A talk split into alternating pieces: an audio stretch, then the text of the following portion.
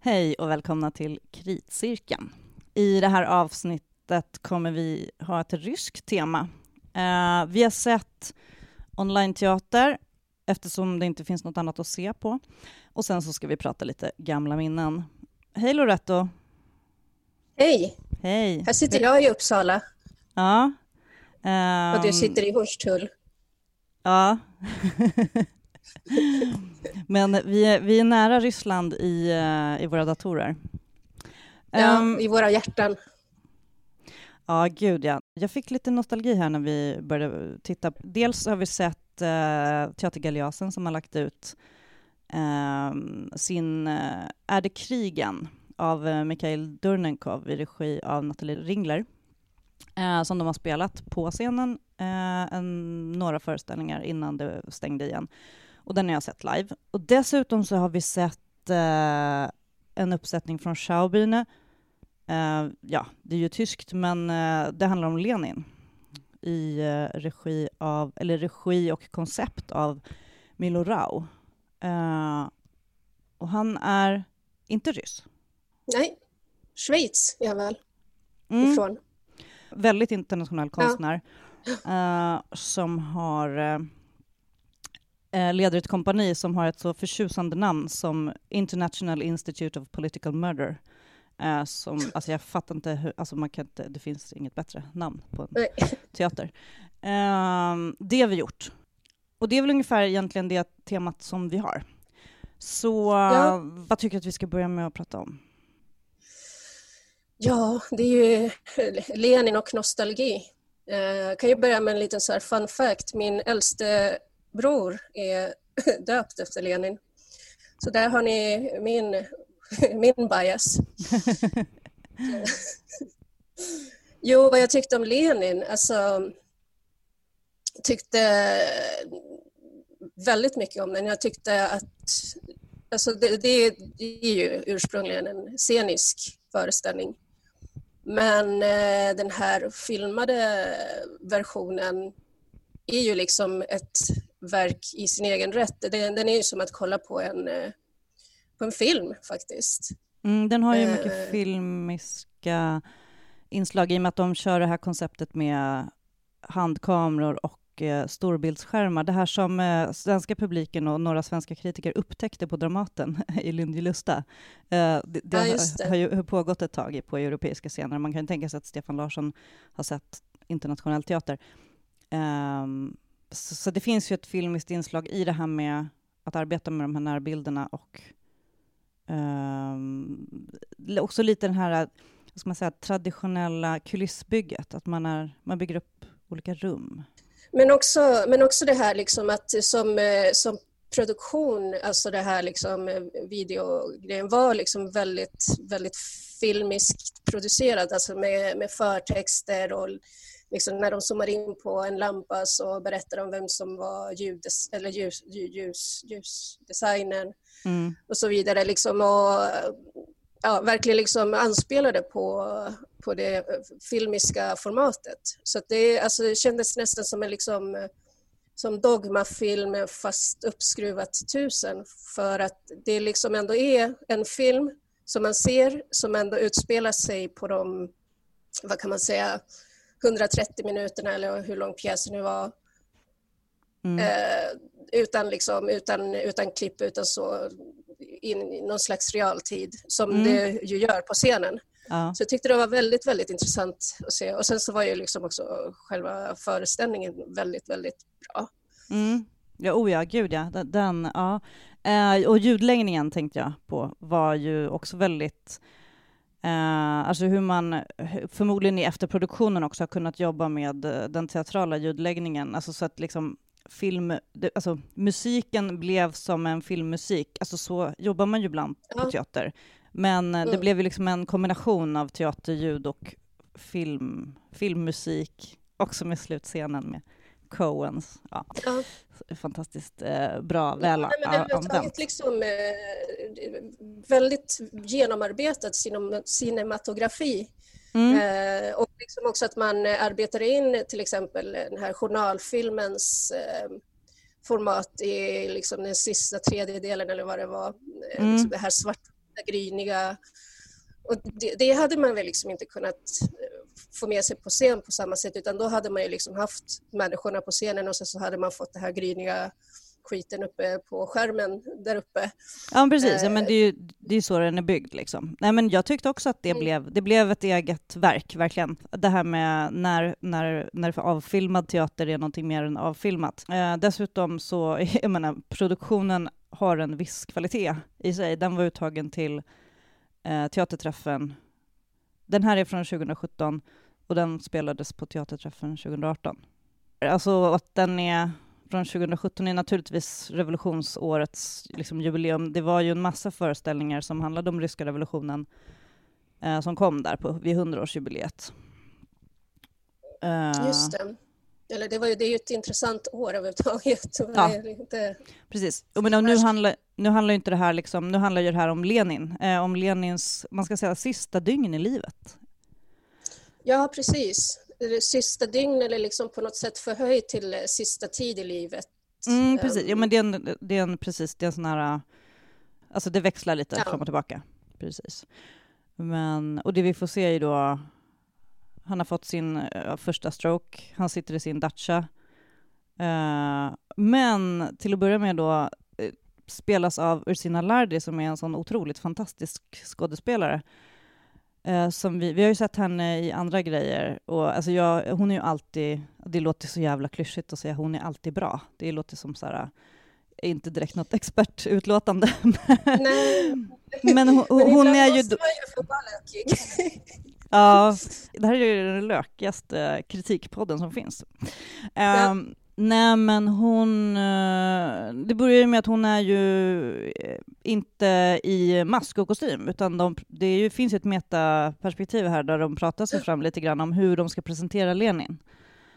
Uh, och hon spelar då uh, Lenin himself, och, men först som, som, som den liksom uh, vanliga, snygga, kvinnliga, liksom blonda, ehm, lite ledigt klädda kvinna hon är.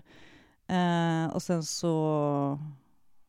Hon, hon, hon transformeras ju in i rollen utan kostymen, men sen så tar de det steget också en bit in i föreställningen. Ja, precis. Men det är också väldigt intressant för att, för att i den här processen så kläs hon ju av, eh, bokstavligt talat. Gud ja, hon, eh. hon får tempen tagen på sig på riktigt. Ja, i, eh. i, i skärten. Och, men, eh, och det blir liksom också den här väldigt intressanta effekten av liksom när man tar in dimensionen kön i det hela. För att hon är liksom så här smal och mager och bräcklig och sådär. Och sen så liksom kommer de andra och på något sätt handskas med hennes kropp. De badar henne, de klär av henne, de klär på henne. Liksom. Och hon är så här ja, för att hon är ju Lenin som precis haft en stroke så att hon är ju liksom väldigt bräcklig och hela liksom den här... Alltså det, blir, det blir så um, rörande på något sätt. Man tänker ju också samtidigt på hur, hur det här hade liksom tagit sig uttryck om eh, Lenin hade spelats av en man. Mm, gud ja. Jag tänker att man liksom, man har...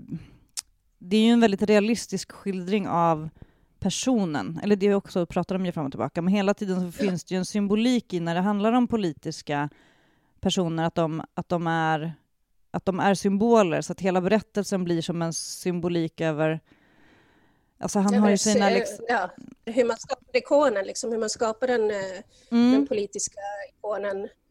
Lenin. Och det, jag tyckte också det var så intressant, för scenen när Stalin kommer så får man ju också en känsla av att den här idén som, visst var det Stalin som kom på idén att, eh, att de skulle um, balsamera honom och ställa ut honom. Ja, just det, på Lide Parad.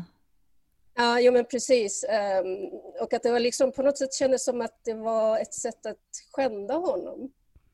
Uh, för det var väl någon som protesterade och sa nej men så gör man ju inte, man ska ju begrava eller man ska, ja, kremera honom. Mm. Men nej, vi har inte sådana ugnar. Så, sådär liksom att det kändes som en slags ehm, ja, fälla.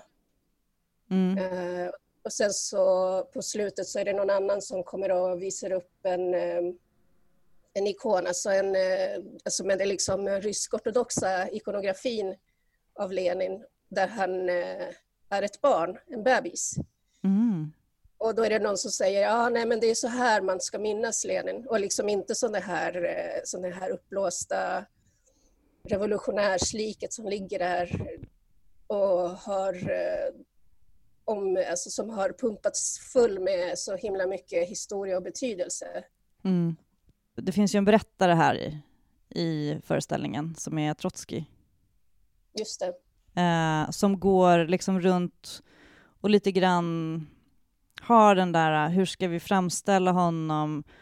Och det, det är ju det man vet också om liksom alla historiska figurer, att det handlar ju om det är det man också tänker på med dagens politiska ledare och sådär, hur man, hur man får sitt eftermäle skrivet, eh, hur mycket man kan påverka det själv och att det här faktiskt är någonting som ingår i politiken. Att, att skriva sin egen historia eller att omge sig med rätt personer som presenterar rätt bild av en för att man hela tiden ja, det är marknadsföring, man är ett varumärke liksom. Eh, och han är ju ett varumärke där in i döden.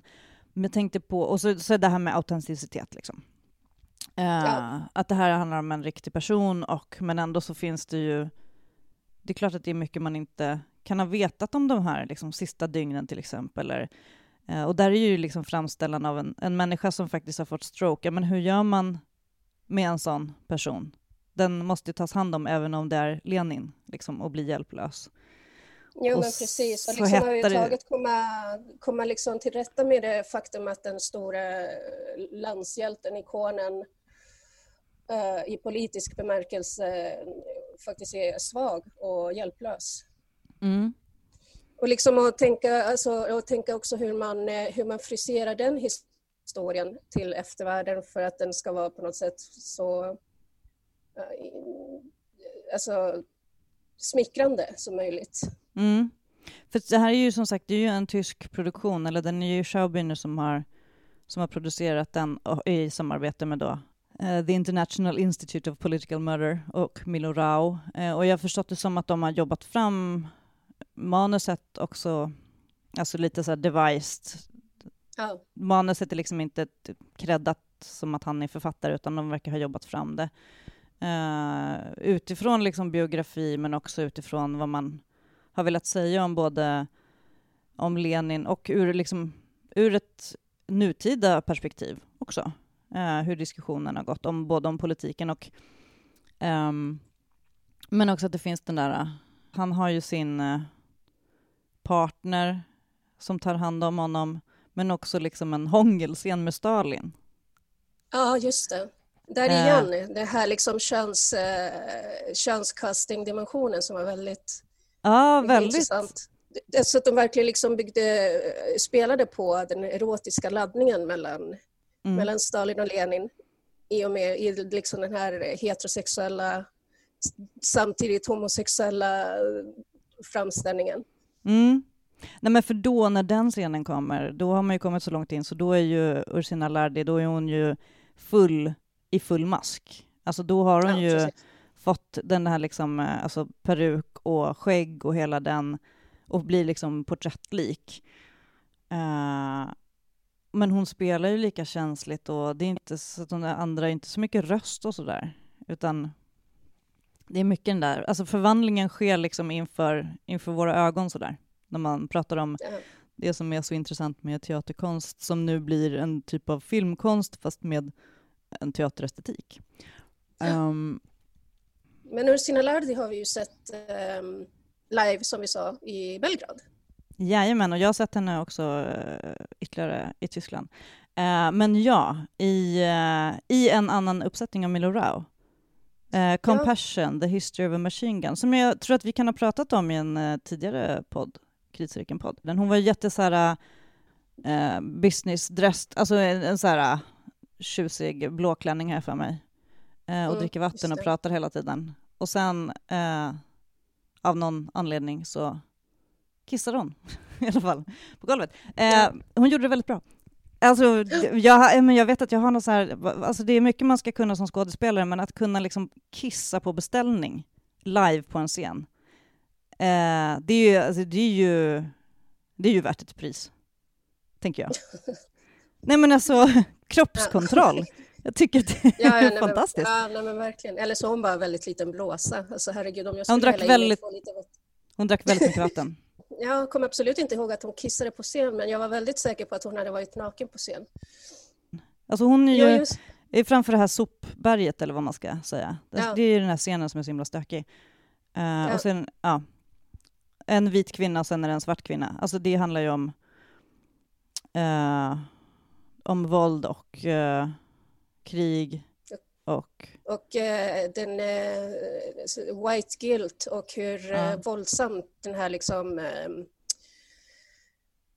medkänslan kan vara eftersom mm. man ju är så, så himla villkorad. Det var ju liksom, den kom väl till just i kölvattnet på flyktingkrisen 2015, om jag inte minns fel. Mm, precis. Nej, jag har sett henne i en annan väldigt, väldigt bra uppsättning, uh, The Infinite Jest, alltså David Foster Wallace. Um, en bearbetning av hans roman på teaterträffen för, förra året. Um, mm -hmm. Och hon spelar, då spelar hon en, uh, hon spelar en tonårspojke, tennisspelande pojke. Eh, också bara så här, helt, helt okomplicerat, helt okommenterat är hon en tonårspojke. Uh, nej men alltså hon är ju hon är en riktigt bra skådespelare. Uh, och det har jag tänkt på, ja men just hela den här liksom lite, alltså, som jag säger hela tiden, jag blir så trött på alla som måste markera att det är ja, teater på skärm, det är inte teater på riktigt. Men det kan, alltså när man ser riktigt, riktigt jävla bra skådespeleri på en, via en skärm i ett teatralt sammanhang, så det går fan igenom skärmen alltså. Det, jag, alltså jag har sett liksom några av de här uppsättningarna alltså som jag har sett online-versioner är ju typ den bästa teater jag har sett. Eh, och de har ju oftast inte varit från Sverige då, men, eh, men det är ju också så här, man är lite svältfödd på internationell teater, men teater överhuvudtaget. Um, ja. Men, eh, men, nu kanske vi ska ta göra en segway här bara för det. För att uh, är det krigen? Den har mm. ju du sett i köttet. Och jag har, bara sett, jag har bara sett den på datorn. Mm. Uh, tyck, vad tyckte du var den största skillnaden? Um, absolut den största skillnaden är att de har valt att klippa det till tio scener. Eh, nu är det ju så att manuset är egentligen tolv scener. Jag har också läst hela manuset. Eh, de har valt, på TCN-versionen så valde de tio delar och ja, att det var en tanke med att välja pjäsen också tror jag, att det skulle funka att spela in som sketcher eller vad man ska säga, fast sketch tänker man lite grann på att det ska vara humor och det är ju inte enbart humor i den här kan jag säga, men den, den har ju sina roliga stunder.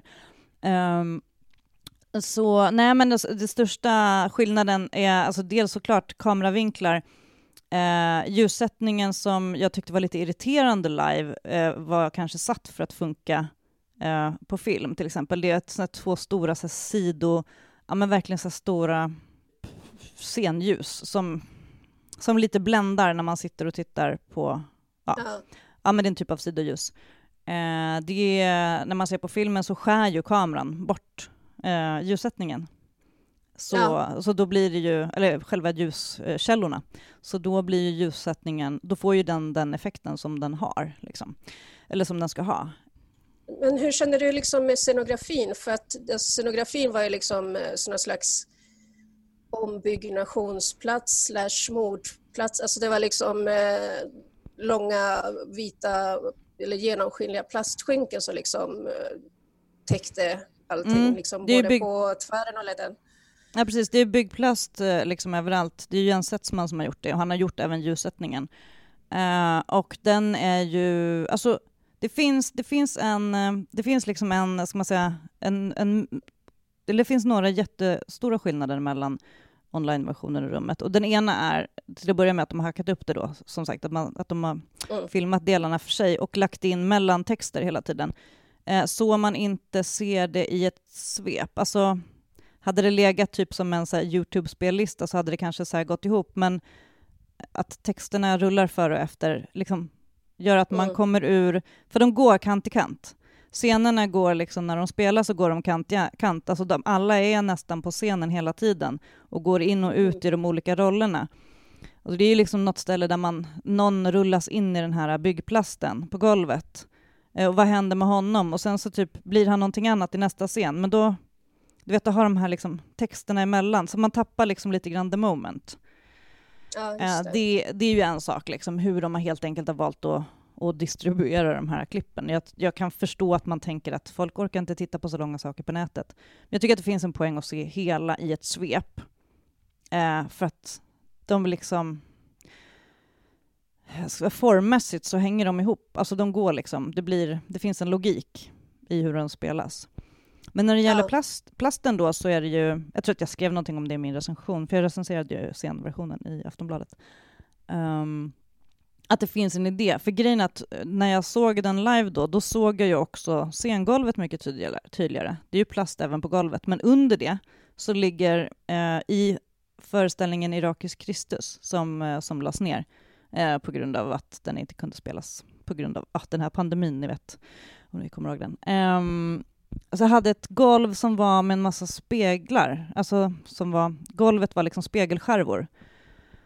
Och då såg man den igenom plasten. Och där kände jag att det fanns en, eh, en, liksom en sån här metadimension av att det liksom ligger ett filter över någonting annat som är krossat och sen så i den här världen där man håller på och liksom försöker så här eh, jag, hela, jag tänker att hela föreställningen, hela, hela pjäsen är liksom, handlar lite grann om så här, hur, hur man ser på kanske en rekonstruering av både världen, samtiden, det finns ju en politisk dimension i, i liksom hur vi återbygger samhället eh, och här nu då, eftersom när den spelas nu den här hösten, hur man så försöker återskapa teatern, vad den har liksom, alltså lite så under, under construction liksom. Vi har byggt Ja, precis. och samtidigt som den här plasten blir en del av skyddsplasten vi har i pandemin. Liksom. Och de har ju munskydd och handskar på sig också. Det finns en sån här Ja. eh, hålla, hålla typ farorna ute, hålla, hålla viruset borta eh, och samtidigt försöka återuppfinna sig innanför det här på något sätt. Så har jag liksom det, finns tolkat det. ju, för det finns ju också en, någon eh, slags underförstådd intimitet i det hela för att eh, alla i ensemblen har ju på sig myskläder, alltså apropå liksom corona-lockdown. Mm. Alltså de har ju liksom ja, mjukisbrallor, t-shirt, eh, joggingdress, sådär, liksom, som, som, om att, som om att de befann sig hemma under lockdown. Mm. Samtidigt som liksom allting går i en eh, väldigt samstämmig gråskala. Mm. Ja, precis. Ja, men färgen är ju, den är lite gråare tänker jag i filmversionen, men det är såklart en eh, redigering. Liksom. Uh, och sen är det ju så, det som är intressant med den är att jag, uh, jag tycker att den är så himla välvald. Den, den funkar att applicera på typ här och nu, precis nu. Även om den då är... Alltså jag vet inte exakt när den är skriven, men den har ju minst fyra fem år på nacken. Alltså den, eh, Det här är liksom, det, det är första gången den spelas i Sverige. Eh, men för till exempel så finns det ju en scen där ja, de verkligen inte är hemma. Där, där är, det handlar om protester och demonstrationer. Eh, där de, just det här krigstemat blir väldigt tydligt. De pratar om fiendeland. Eh, det ska vara en fredsdemonstration och som liksom urartar till att den börjar så här, uppmana till våld. Och då säger eh, någon på scenen så här, vad gör den där? Där är våran fiendeflagga.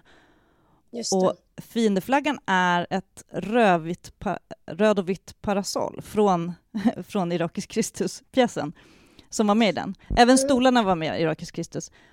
Eh, Men när den här pjäsen skrevs, eller tidigare, då kanske det har handlat om kanske Ukraina, Ryssland, kanske typ Ja. men nu tänkte jag ju med den rödvita så tänkte jag på Belarus protesterna och konflikterna som Ryssland precis. naturligtvis också har alltså, ett finger med i. Alltså, så.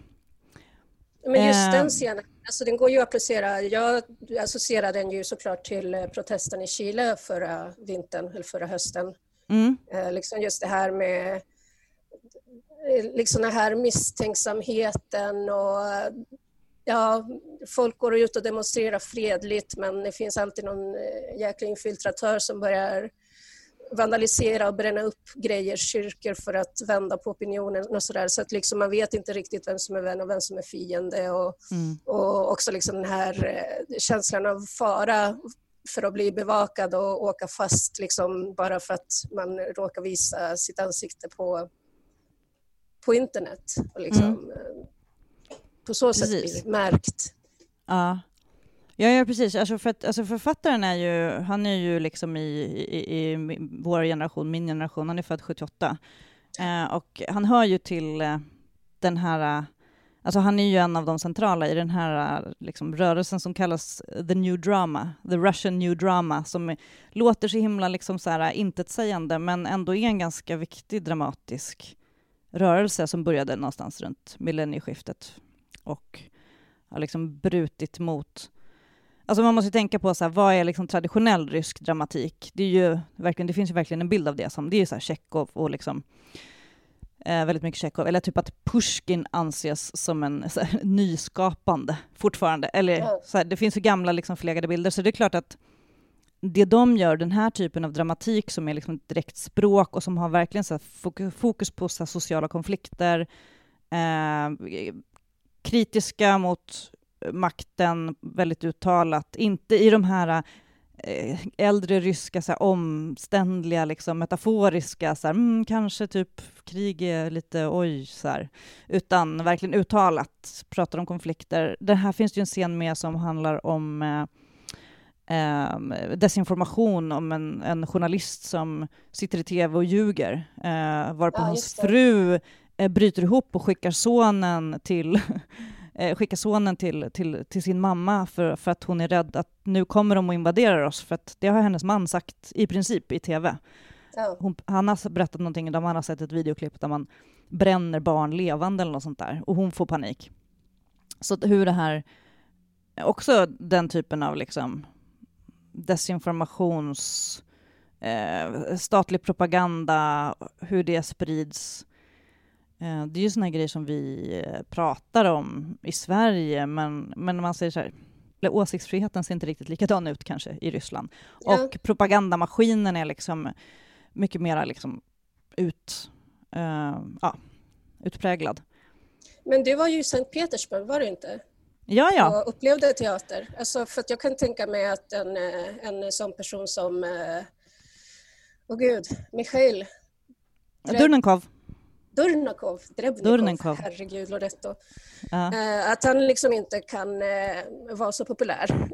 Uh, liksom, och man, hör ju, man har ju liksom en bild av att teatern är väldigt, väldigt liksom, inför gevärspipan i Ryssland. Men ja, hur upplever eller... du det? Ja, alltså grejen är den att det som i den här generationen new drama så finns det ju liksom ett antal namn som är på något sätt inte Alltså det är inte så att de skriver ett gemensamt manifest, men att det finns liksom en liknande tendens då hos, hos flera av de här. Um, och ett annat namn som återkommer är ju uh, Kirill Serebrennikov, um, som är en rysk regissör som har drivit Gogol-centret i Moskva och suttit i husarrest för att han har anklagats av uh, myndigheterna för att ha förskingrat pengar. Men uh, han har också eh, regisserat, hade precis också regisserat en uppsättning för Bolshoi-balletten som skulle handla om eh, den berömda balettdansaren eh, Nurejev. Och eh, problemet med den var att han hade framställt eh, den här liksom, nationalklenoden Nurejev som den homosexuella person han faktiskt var och det oj, oj, oj. kan man tänka sig att det inte föll eh, de ryska myndigheterna på läppen, helt enkelt. Eh, Sådana frågor är kontroversiella eh, och det finns ju liksom en, det finns en uttalad vilja att styra konsten. Och då eh, så görs det här liksom kanske på väldigt eh, ibland på väldigt här raffinerade sätt. Så det, det, finns liksom en sida som där det verkligen så framstår som att konsten är fri och teatern är viktig och liksom sådär. Jag tänkte på det när vi var i, i Sankt Petersburg eh, för, för grejen var att, jag, att anledningen till att jag var där, jag var där på en eh, teaterfestival som också var i samband med det europeiska teaterpriset eh, Premio Europa skulle delas ut. Och eh, året innan hade det tilldelats Serebrennikov, men han kunde då inte ta emot det eh, för att han satt i husarrest i Moskva. Då delades det ut i Rom. Men eh, det här året som jag var där, det här var ju 2018 då, så gick det till eh, bland annat till Milo Rau, eh, som vi precis har pratat om, hans Lenin-uppsättning. Just det. Eh, han, som av en händelse då fick han inte visum i tid för att komma till eh, Ryssland för att ta emot det här priset. Det för, fördröjdes och fördröjdes och fördröjdes. Så, att, liksom, så fick han det typ samma dag som prisutdelningen skulle vara. Alltså det, allting blev förskjutet. Och till saken hör jag att han då eh, kort där innan hade gjort en föreställning som hette The Moscow Trials som handlade om eh, Pussy Riot-rättegångarna där han liksom iscensatte hur rättegången mot Pussy Riot och andra artister... Eh, han gjorde det här i, um, i Ryssland, eh, på typ. Eh, Sacharov-centret i Moskva. Och han säger ju själv att sen han gjorde det där så har ju han haft lite svårt att komma in i Ryssland. Då, då.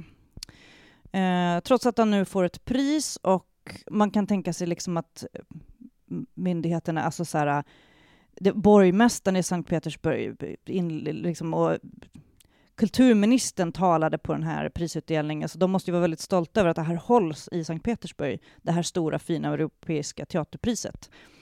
Eh, och då ville de inte ha dit en av pristagarna eh, som ja, helt enkelt inte gör passande teater för myndigheterna. Sen att Eh, Premio Europa är ju en egen organisation. De får ju ge pris mm. liksom, till vem som helst och det ska ju vara övergripande. Liksom.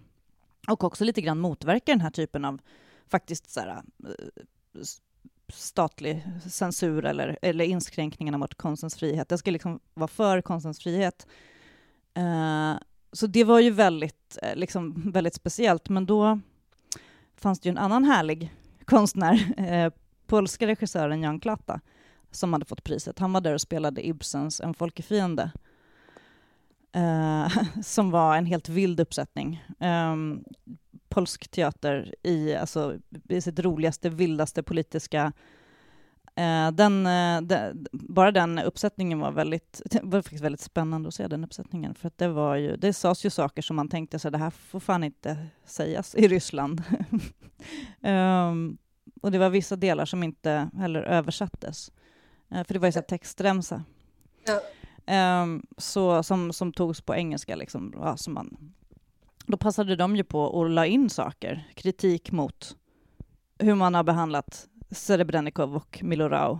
Ja. Men sen när han kom och skulle ta emot sitt pris på den här stora fina liksom, eh, teatern, ganska Alexanderteatern eller vad den heter, eh, så sa ju han det just att eh, det, det finns ju två elefanter i rummet här och det är ju Serebrennikov som eh, fortfarande är liksom... Rättegången hade inte börjat mot honom än, tror jag. Mm -hmm. Alltså den försköts ju, försköts, försköts. Han satt i husarrest och det var bara så här fördröjdes och fördröjdes. Han kunde inte liksom jobba. Uh, men... Uh, och sen så då Milo Rau som, som inte kunde, som på något sätt ah, man gjorde vad man kunde för att han inte skulle komma dit och ta emot sitt pris. Uh, och då sa Jan Klata vad han tyckte. Mm. och det är jävligt intressant, för att allt det här filmades ju. Av, alltså, för det är också så fantastiskt med uh, man är i Ryssland, eller i, överhuvudtaget i någon sån här lite auktoritär regim, om man får säga det så är det ju väldigt mycket som dokumenteras och filmas, så man eh, är medveten om att man är övervakad hela tiden.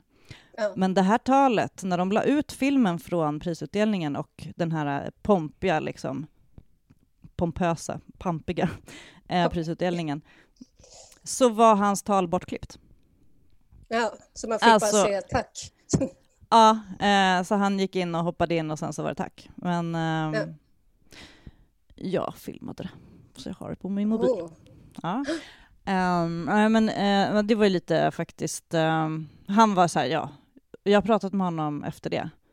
Uh, och uh, han sa att han, han, vet inte om han får komma tillbaka någonsin. Han var i Stockholm för ett tag sedan och pratade om ja, men just konstens frihet, yttrandefrihet. Ja, ja det är väldigt kärvt. Serebrennikov för övrigt, han är ju släppt nu som det heter, eller fri. Och eh, det finns det här uh, teaterrummet. Göteborgs stadsteater har ju en sida för uh, teateressäer och sånt. Där finns det en intervju med honom som uh, Rysslandskarlen Maria Georgieva har gjort. Uh, mm. Där han pratar om hur det har varit att sitta uh, och ta sitt straff för någonting som... Uh, han är ju alltså anklagad för att ha förskingrat pengar för en, som har gått till konst. Men myndigheterna säger att det inte har gått till konst. Det har inte gått till de här föreställningarna som han faktiskt har gjort och som det finns hundratals människor som, som vittnar om att de har sett. Men myndigheterna ja. säger att han har stoppat pengarna i egen ficka och han har inte alls gjort någon teater. Det är som, så märkligt som man bara... Uh, ja. Okay. Ja. Men, eh, men den, eh, den intervjun kan man läsa. Det var roligt faktiskt att få läsa om hur det har gått. Han berättade ju också i den om hur, hur de har jobbat på distans. Jag träffade hans eh, team som gjorde en eh, uppsättning som heter Outside som jag såg i Avignon. Mm. Han, alltså från Gogol Center, de har turnerat med en föreställning som handlar om eh, en kinesisk konstnär som, ja, han är homosexuell och, och det slutar med att han tar livet av sig och hoppar från ett fönster. Uh, sorglig historia. Känd fotokonstnär, uh, Ren Hang. Okay.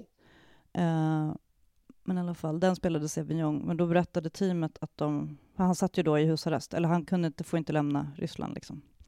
Det var förra sommaren. Mm. Så de har skickat... De har repeterat via... Innan det blev trendigt, via att skicka filmer till varandra och skriva meddelanden fram och tillbaka. Och, och det är ju det som jag tycker är lite intressant. Att uh, man försöker stoppa konstnärer genom att låsa in dem och sådär. Men har man bara en tillgång till någon typ av kommunikation så kan man fortsätta jobba och han gör det. Han kommer liksom inte att stoppas. Ja. Som uh, Jeff Goldblum säger i Jurassic Park, life finds a way. Ja. Nej, men det är det jag tänker på med det här liksom, uh, men hur teatern har det nu. Uh, den ja. kommer, alltså, teatern kommer överleva och jag tycker att Alltså jag har varit ute och vevat lite om det här med streamad teater, att det måste så här, finnas lite mer resurser för det. Men jag tror att det finns en jävla massa möjligheter om man bara kan göra det bra. Um, och som sagt, um, theater finds a way. Konsten ja. kommer ju liksom inte... Alltså, man ser att det finns hot och sådär, men, men man ser också de som typ absolut man inte trodde skulle kunna jobba, eller som då Serebrennikov, som man skulle kunna tro så här, skulle kunna skrämmas till tystnad. Uh, det, det, gör han ju, han kommer ju verkligen inte tystna. Liksom.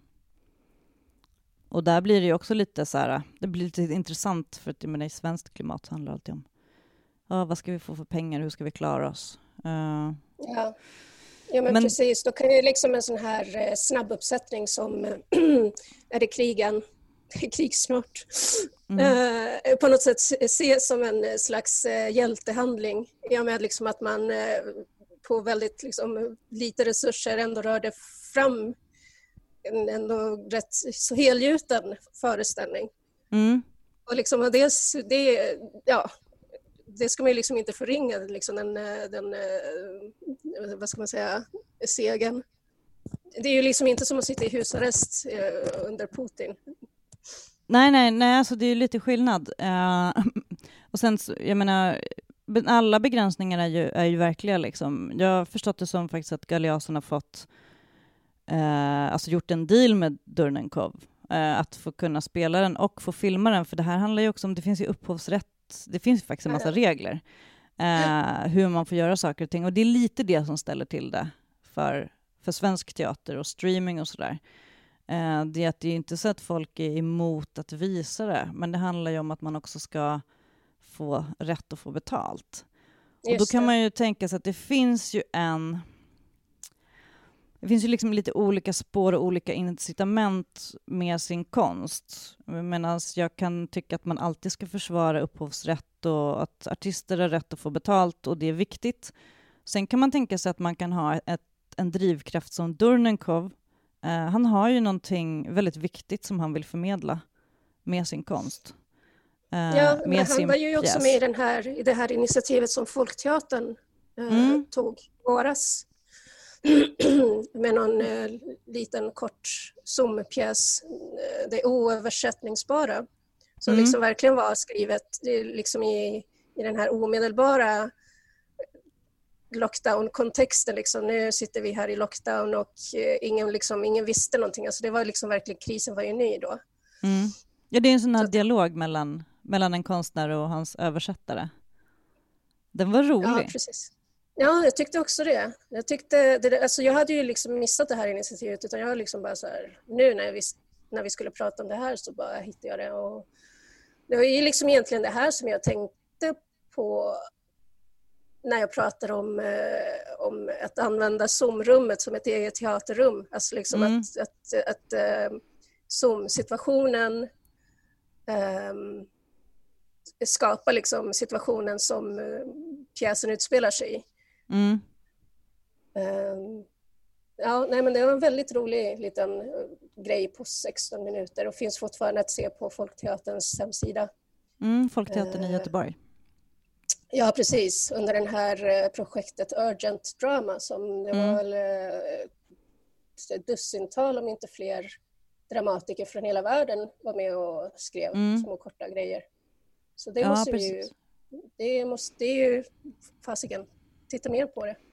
Ja, jag har faktiskt tänkt på det, att det finns en... Uh, vad jag hoppas på lite efter allt det här himla eländet, att det var stängt.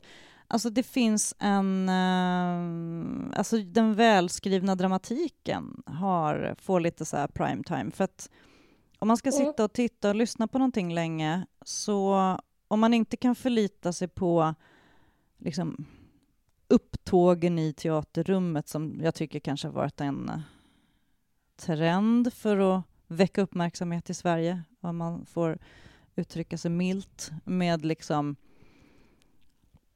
ja men, ja men så här, äh, vilda tolkningar av klassiker som alla redan kan, så finns det liksom nu här, så här men om man, ska, om man verkligen ska ha, hänga, hålla kvar någon vid en skärm, eh, då kan det ju faktiskt vara det här att få höra en historia, en berättelse eller en text som man inte har hört förut. Eh, som man inte liksom kan utan till. Att det ändå kan, det finns en ny lockelse och att det kanske finns, med lite tur kan, kan liksom skrivas pjäser nu som kan funka för, för flera olika plattformar. Liksom. Jag tänker att radiodramat borde liksom ha... Det är lite konstigt, men det handlar nog lite om pengar i Sverige. Men alltså, radiodramatik är ju... Fastän med hela poddboomen så borde det bara... Hur mycket borde det inte ha funnits redan? Uh, istället så är det ljudböcker. Men alltså folk vill lyssna på ja. berättelser. Och skådespelare är ju så... Alltså riktigt bra röstskådespelare eh, kan ju verkligen liksom leverera i radioteater. Så att man, saker som jag hellre skulle lyssna på än sån här två gamla kritiker som sitter och tjatar om att allt var bättre förr. Nej, men liksom... Eh. Ja, det är så här taskig rösthållning också. är det lite covid-hosta du har där? Eller är det bara märkvärdigt? Ja, ja. rökhosta. Äh, men, mm, ja men gud, det var ju en sluta röka-scen i uh, Är det krigen? Vad tyckte du om ja. den? Oh, gud. Men alltså alla de här eh, små scenerna på något sätt eh, bottnade i, i en humanism som eh, liksom i en handvändning kan antingen urarta i nåd eller i grymhet. Mm. Som, liksom, som liksom den här scenen när, när, han berätt, när en, en av personerna personerna berättar om eh, hur han hade gett pengar till, till en gravid kvinna. Ja, den är fantastisk. Och sen så, ja, och sen så liksom i, i, snart så förstår man att de, den han, de han berättar det här för är alltså att han står i en rättegång och att han har slagit ihjäl kvinnan eller liksom slagit henne på magen för att han nästa gång han hade sett henne hade blivit irriterad av hennes liksom, tiggande. Eh, mm. Men liksom att det, att, att det liksom alltid, i en liten, liten, liten minimal handvändning finns liksom den här humana dimensionen som har liksom två ansikten, grymheten och nåden. Mm. Och det var ju verkligen eh, det också i den här Sluta röka-kampanjen. Mm. Där, eh, där den här pappan, hade, hans barn hade försvunnit och han ställdes inför dilemmat att köpa cigaretter eller fortsätta leta efter sin unge. Mm. sådär.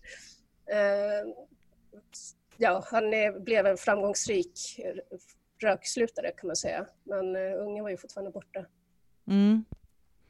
Ja, och så hela tiden det här, eh, för det tänker jag på den här dimensionen av att, ja men faktiskt det där perspektivet av att det är en rysk författare också som Eh, alltså hela situationen och kontexten handlar om att det faktiskt någonstans pågår ett krig som kanske i den här verkligheten är lite närmre än vad den är för oss i Sverige. Alltså, och nu sitter, vi näst, alltså nu sitter vi också och tittar på den här föreställningen i våra datorer. Alltså det här med mm. att det finns olika filter. Men när man påminns, alltså man bara, ja men det är ju skräcken liksom. Man, liksom, man kan tappa bort sitt barn på på ett köpcentrum. Men vänta nu, han cyklade så här, med honom en sparkcykel, alltså de var på en öppen gata och plötsligt så var han bara borta. Var, liksom, alltså, och det, det sägs inte varför eller hur eller... Nej. Eh, utan han pratar om eh, att det här var en prövning för honom för, för hans liksom, rökstopp, om han skulle klara det eller inte. Så att det är liksom texten, ja men det här med olika liksom, lager och undertexter. Medan man bara, men men barn försvinner ju inte bara på en öppen gata, eller? Gör de det? Eller vänta nu, är det här i ett krigssamhälle? Är det därför har barnet blivit kidnappat? Eller, ja men du vet, så.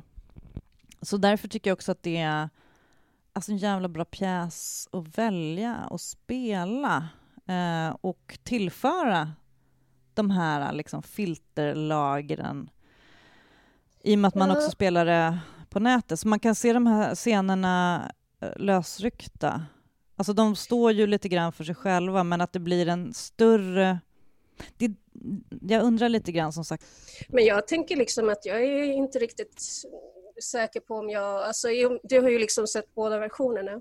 Jag har ju bara sett eh, dataversionen som liksom i praktiken blir som, eh, som tio kortfilmer med förtext och eftertext och sådär. Och där tycker jag inte liksom att det här eh, eh, krigsundertexten eh, följa med hela tiden. Um, utan det, är liksom, det finns ju, alltså visst, i väldigt många av scenerna så gör ju det. Liksom, till exempel i, i den här scenen när de är på en flygplats och det blir strömavbrott. Alltså där fattar man ju liksom att det här är ju, det här är ju ett mm. exiltema. Uh, men just i den där uh, sluta röka-grejen, alltså det fanns ju liksom ändå en uh, överväldigande vardaglighet. Ja, nej men absolut. De, de, är ju, de är ju eh. skrivna så att de går att placera eh, ganska mycket, så nästan var som helst. Så jag tror också att när man spelar dem på en scen, att man sätter väldigt mycket sammanhanget liksom. Eh, ja, som precis. sagt, som, eh, för jag tror att det börjar med den här, den här protestscenen, eh, demonstrationen, fredsdemonstrationen ligger ju ganska tidigt. Är det första scenen mm. till och med? Det, jag tror att det är andra. Andra, ja. Det första är så sitter de med sina telefoner. Och då etablerar de ju också det här att vi tittar genom, på världen genom våra skärmar och typ det liksom, att det, det, det finns ett sånt tema som följer med, men det kommer och går lite. Eh, olika, alltså ibland handlar det om ho, krigshotet, ibland handlar det om hot om våld, alltså hot om våld i nära relationer eller hot, hot om eller vad svartsjuka kan leda till i den här simbassängscenen när en man får för sig att en annan man har knullat med hans fru i bassängen. Så här, fast är det bara en fantasi eller är det bara så här toxisk maskulinitet? Men jag eh, tyckte liksom att just här, eh, den här liksom frågan, är det här sant eller inte, är nog kanske den starkaste mm. röda tråden för mig. För det, mm. liksom, det får mig hela tiden med sig, har det här verkligen hänt? Ja. Har, har den här ungen brunnit inne? Har den här ungen försvunnit? Mm. Eh, Ljuger den här mannen på flygplatsen för att eh, han är spion? Alltså liksom sådär. Mm. Och i sista scenen, den här som handlar om eh, ja, våld i nära relationer. Där undrar man ju också, liksom, är det här på riktigt? Det, mm. Är det här hennes fantasi? Ja? För att det, precis, det ja. handlar ju om en, eh, en, eh, en, en kvinna och en man och mannen kommer in och har hittat hennes dagbok eller hennes anteckningar och börjar, alltså en riktigt sån här otäck förtryckarman eh, som börjar eh, trakassera sin fru och, med, under förevändningen att det är bara för att jag älskar dig som jag är så här hård och mm. drar henne i håret och är, det är fruktansvärt hotfullt och eh, väldigt bra, väldigt bra spelat. Mm. Um, men är det så att det finns en granne som hon har en hemlig relation med, eller är det hennes inre röst? Liksom? Och det, Ja. precis, det följer ju med. Det där tror jag, alltså, det tänker jag är att det är ett tema som följer med. Alltså, det finns hela tiden hot om våld, hot om krig. Eh, vad är sant? Och lite grann så är det vi ser i våra skärmar, eh, är det verkligt? Eh, vad är fantasi och vad är liksom upplevd, ja, eh, upplevd oro och äkta oro eftersom världen ser ut som den gör och hur påverkas vi? Liksom? Det finns ju massa sådana. Mm. Så det tänker jag att det är, ser man dem från början till slut så får man liksom att, att det etableras via att man börjar med de här skärmarna och sen återkommer det till den här tv-journalisten och sen så liksom Mm. återkommer det till att man hela tiden säger, men är det här på riktigt? Och sen så sitter man ju ändå där och bara, ja men det här är ju faktiskt teater. Det är klart Ja, att det inte är på riktigt, precis. men all teater handlar ju om liksom verkliga känslor, insikter, upplevelser och eh, att man får tänka själv. Jag tror att jag skrev något så här, ja, men jag ty- alltså, det är ju f- väldigt, eh, jag uppskattar verkligen att Galeasen eh, introducerar de här typen av texter som inte har spelats i Sverige, som är välskrivna, eftertänksamma och också att man kan spela det utan en massa sån här... eh, Ja, men man behöver inte förklara. Nej, Ja. men, men, men man litar på liksom... eh, Jag tycker att eh, Nathalie Ringlers regi här liksom litar på skådespelarna, litar på texten och det är liksom inte... Alltså det är ju, det är ju också snabbrepeterat. Eh, men sen så har de ju såklart en tv-produktion, det tar ju också sin lilla tid och sådär.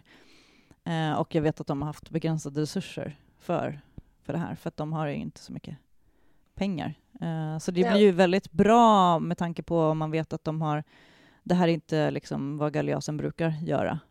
De har gjort tv-överföringar och föreställningar förut, Ja. Hamlet, men det var ju ett tv-produktionsbolag som på uppdrag av SVT kom och filmade. Det är en annan sak. Liksom. Eh, nu har de fått göra det här själva. Och några så här, scener kan jag tycka, det är lite störande att det är lite handskak.